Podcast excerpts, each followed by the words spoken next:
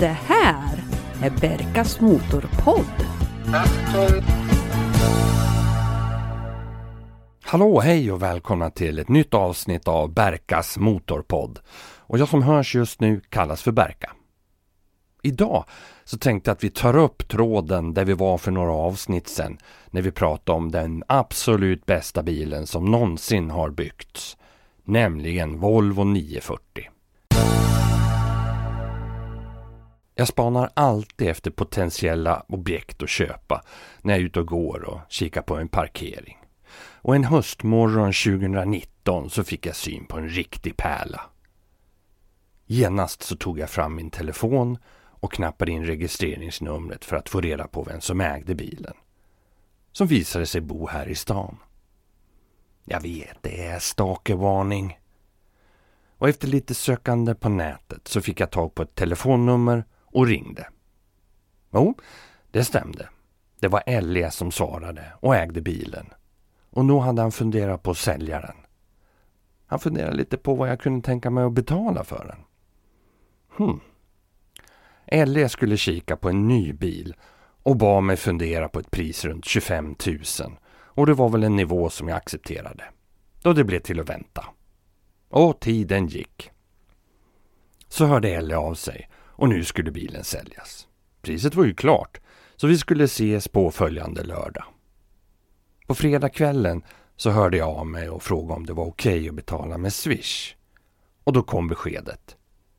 Bilen kunde inte säljas eftersom finansieringen av den nya bilen hade spruckit. Det var över.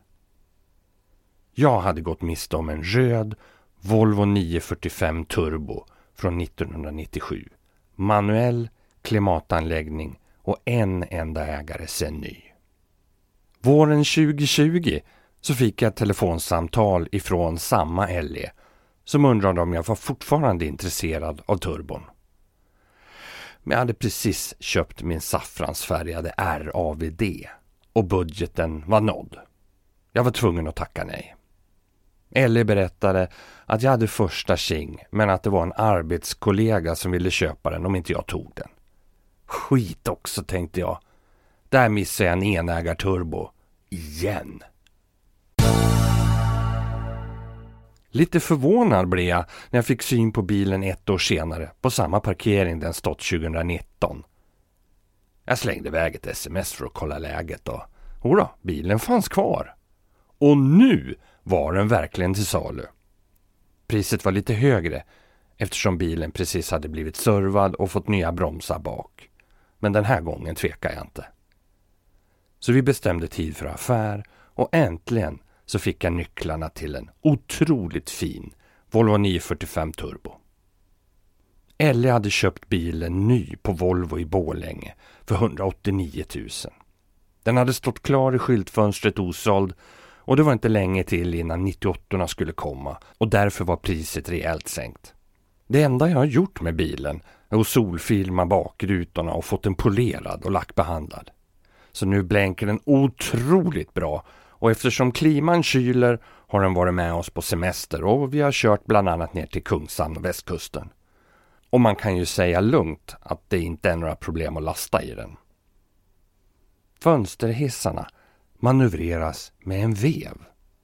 Snurrar man den åt ett håll sänks rutan och motsvarande rörelse gör så att rutan hissas upp och stängs. Avancerat.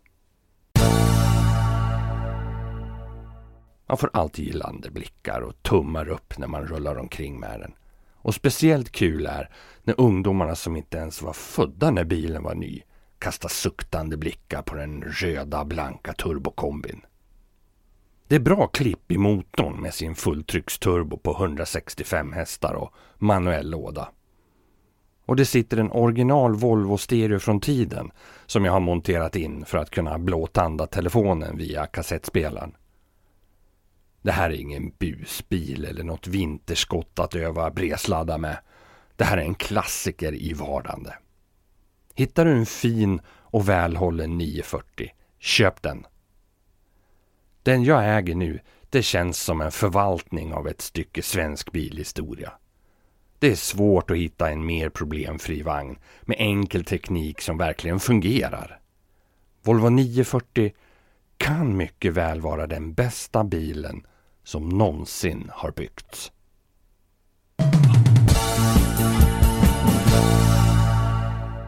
Men den här bilen nu, Volvo 940, för att ta oss ända tillbaka till starten här så spolar vi tillbaka till eh, mitten på 70-talet.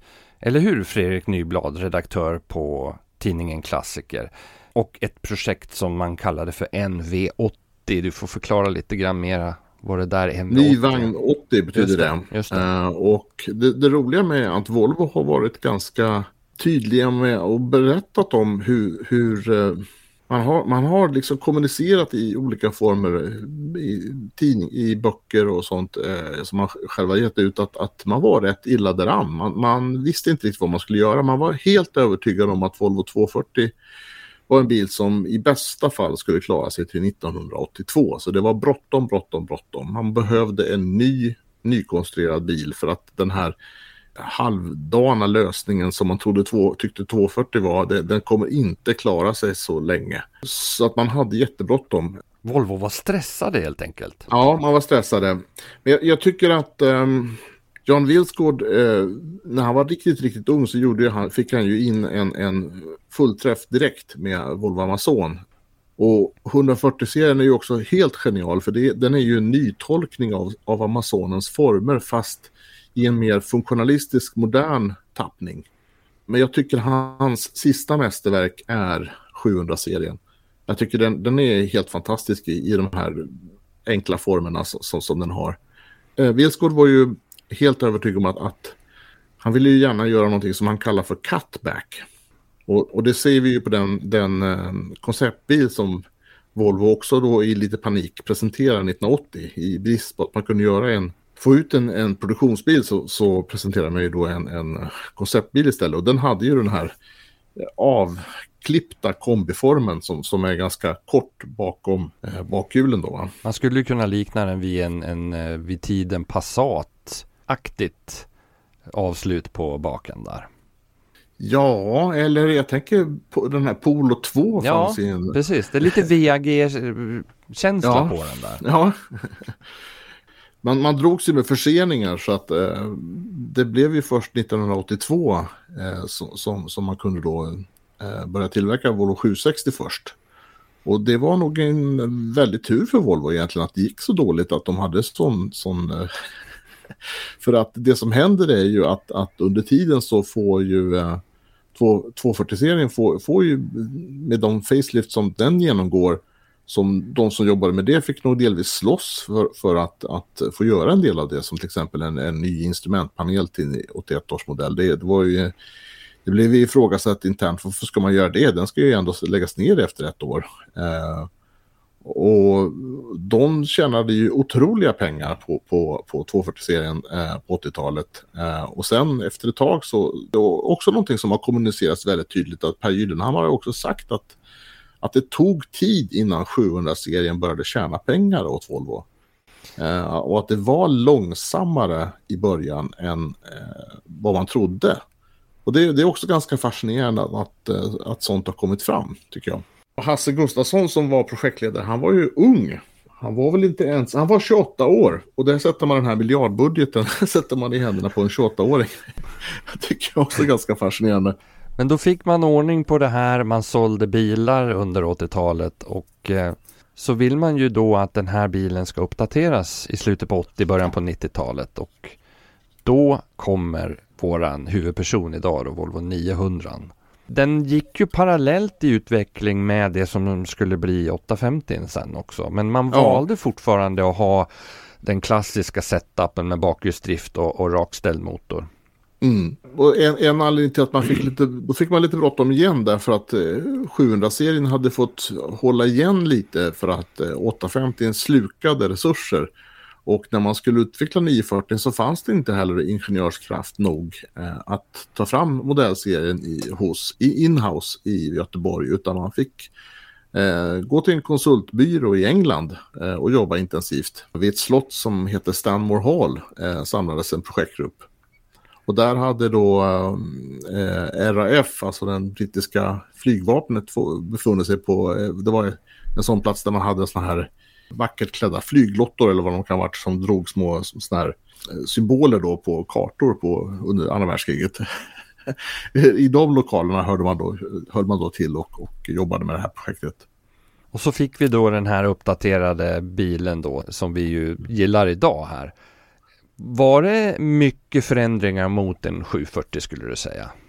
Alltså det, det, det som är fascinerande med Volvo är ju någonstans att den här förmågan att röra sig i steg. För man hade inte möjlighet att göra allt på en gång. Utan, utan man, precis, det har man ju gjort med egentligen med PVn, med Amazon, med 140, med 240, med 700-serien och med 900-serien. Att, att man får ta motorn då och man får ta bakändan då och framändan sen och lite sådär liksom. Så det kommer liksom lite för årsmodell för årsmodell. Eh, och ibland så har, har det då, ibland så i PVns fall och, och, och egentligen är ju 140, 240 också en sån eh, där man egentligen har bytt namn på en modellserie för att man har eh, anser att nu har vi gjort så mycket så att nu kallar vi det för något nytt. Och, och det är ju naturligtvis också 7900-serien. Men jag tycker en fascinerande grej är att, eh, nu nämnde jag Jan, Jan Wilsgård som, som var, var eh, chefsdesigner, men i den här tiden så, så två eh, formgivare som jobbade där, eller egentligen två, fanns det två tvillingpar på, de, på Volvos designavdelning. Och ett av de här tvillingparen är ju då från samma stad som jag, eh, från Falun. Eh, och de heter Håkan och Rolf Malmgren. Och den ena var då ansvariga för nya, helt nya modeller, det vill säga 850 och det var Rolf Malmgren. Och den andra var ansvarig för årsmodellsändringar och det var Håkan Malmgren. Biltillverkare älskar ju att, att försöka få till ett modellprogram som hålls ihop utseendemässigt.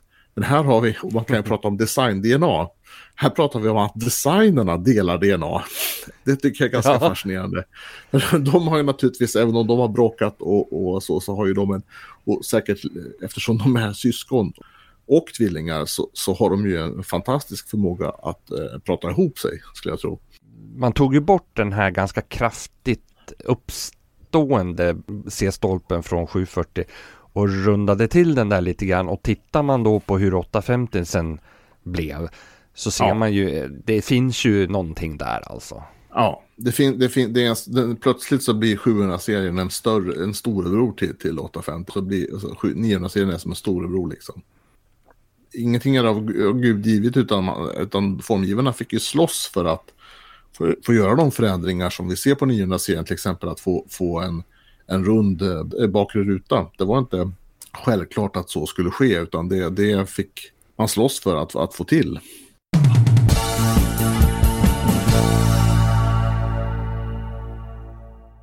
Ett rykte hade nått mig om att det skulle finnas en eh, Volvo 940 till salu hos den lokala Volvohandlaren.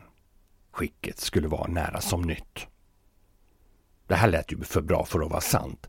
Så en lunch åkte jag ner för att kika. Och visst, där stod den. Precis som det skulle kunna ha sett ut 1995 när den levererades ny. Upputsad och med däcken glänsande svarta. Jag gick ett varv. Inte en repa i den ovanliga ametistmetalliklacken. Inuti var det samma sak. Delläderklädseln vittnade om att bilen knappt körts med passagerare. Jag satte mig vid ratten och fick syn på vägmätarställningen. 8145 mil. En snabb kalkyl sa mig att bilarna hade gått cirka 300 mil per år i snitt. Knappast under vinterhalvåret med skicket i tanke. Gummimattorna var tvättade och behandlade och det fanns inte ett spår av damm i kupén. Det här var helt klart en diamant. Bilen var utrustad med elhissar, klimatanläggning, automat och Volvo originalstereo med en tidsenlig CD-växlare monterad under hatthyllan i skuffen. Jag kände hur habegäret kom över mig. Men det fanns ett problem. Prislappen. Den var helt utom räckhåll för min budget. Men jag pratade med säljaren som jag är bekant med. Ja, jag tycker också att priset är för högt fick jag veta. Det här är en försäljning från ett dödsbo och vi har lovat att hjälpa till eftersom ägaren jobbade hos oss som mekaniker. Kunde det vara sant? En enägarbil med drygt 8000 mil och som dessutom varit i en Volvo Meks ägo. Kan proveniensen bli bättre? Jag la fram ett bud som jag skulle kunna betala och säljaren skulle återkomma. Sen kom jul och nyårshelgen och jag glömde av bilen. Men i februari så fick jag återigen frågan om jag ville köpa en fräsch V70 Cross Country från en medlem i våran X-grupp på Facebook. Transport upp till Västerås skulle ingå eftersom säljaren hade kontakt med ett företag som flyttade just bilar. Jag köpte bilen osett och åkte hem när jag hade slutat jobba. Då fick jag ett meddelande av en bekant. Kan du ringa min särbo? Det är hon som har bilen som du har lagt ett bud på. Jag ringde direkt. Det var ett varmt samtal. Släktingen visste vem jag var och kände till mitt bilintresse. Och hon berättade att det skulle kännas bra om jag tog hand om den bortgångne släktingens ögonsten. Mitt bud accepterades. Vi gjorde upp affären och när jag kom hem och gick igenom papperna så fanns beställningsbekräftelsen och kvitton från när bilen köptes i januari 1995. Mekanikern hade också noggrant fört dagbok över alla åtgärder som han hade gjort med sin bil. Oljebyten och bromsklossar verkade ha bytts bara för att och kamremmen med tillbehör hade bytts fyra gånger redan på 8100 mil. Ametistmetalliken ger ett otroligt djup åt karossen och den skiftar från ljuslila till nästan plommonsvart, helt beroende på ljuset. Den står i garaget nu och har inte gått mer än ett par mil sedan jag köpte den. Tanken var att ta den på någon Volvo-träff, men det blev istället den röda 945 turbon som fick vara med. Vill du köpa den här lågmilade 940 för att omsorgsfullt fortsätta förvalta den så hör av dig till mig. Bilder finns på www.berkasmotorpodd.se Volvo 940 vägde 1450 kilo och man kunde beställa den både med manuell låda och automat. Och den 5 februari 1998 så rullade den sista Volvo 940 av bandet till Torslanda. Då hade man hunnit tillverka 246 704 sedaner och 231 677 kombibilar. En epok för Volvo var över med bakhjulsdrift, stel bakaxel och rakställd motor. Ja, det var allt vad vi hade att bjuda på idag. Stort tack för att du har lyssnat och ett stort tack till Fredrik Nyblad på tidningen Klassiker för sin medverkan här. Följ oss på sociala medier. Vi finns lite överallt. Och om två veckor så hörs vi igen. Tills dess, kör så du trivs.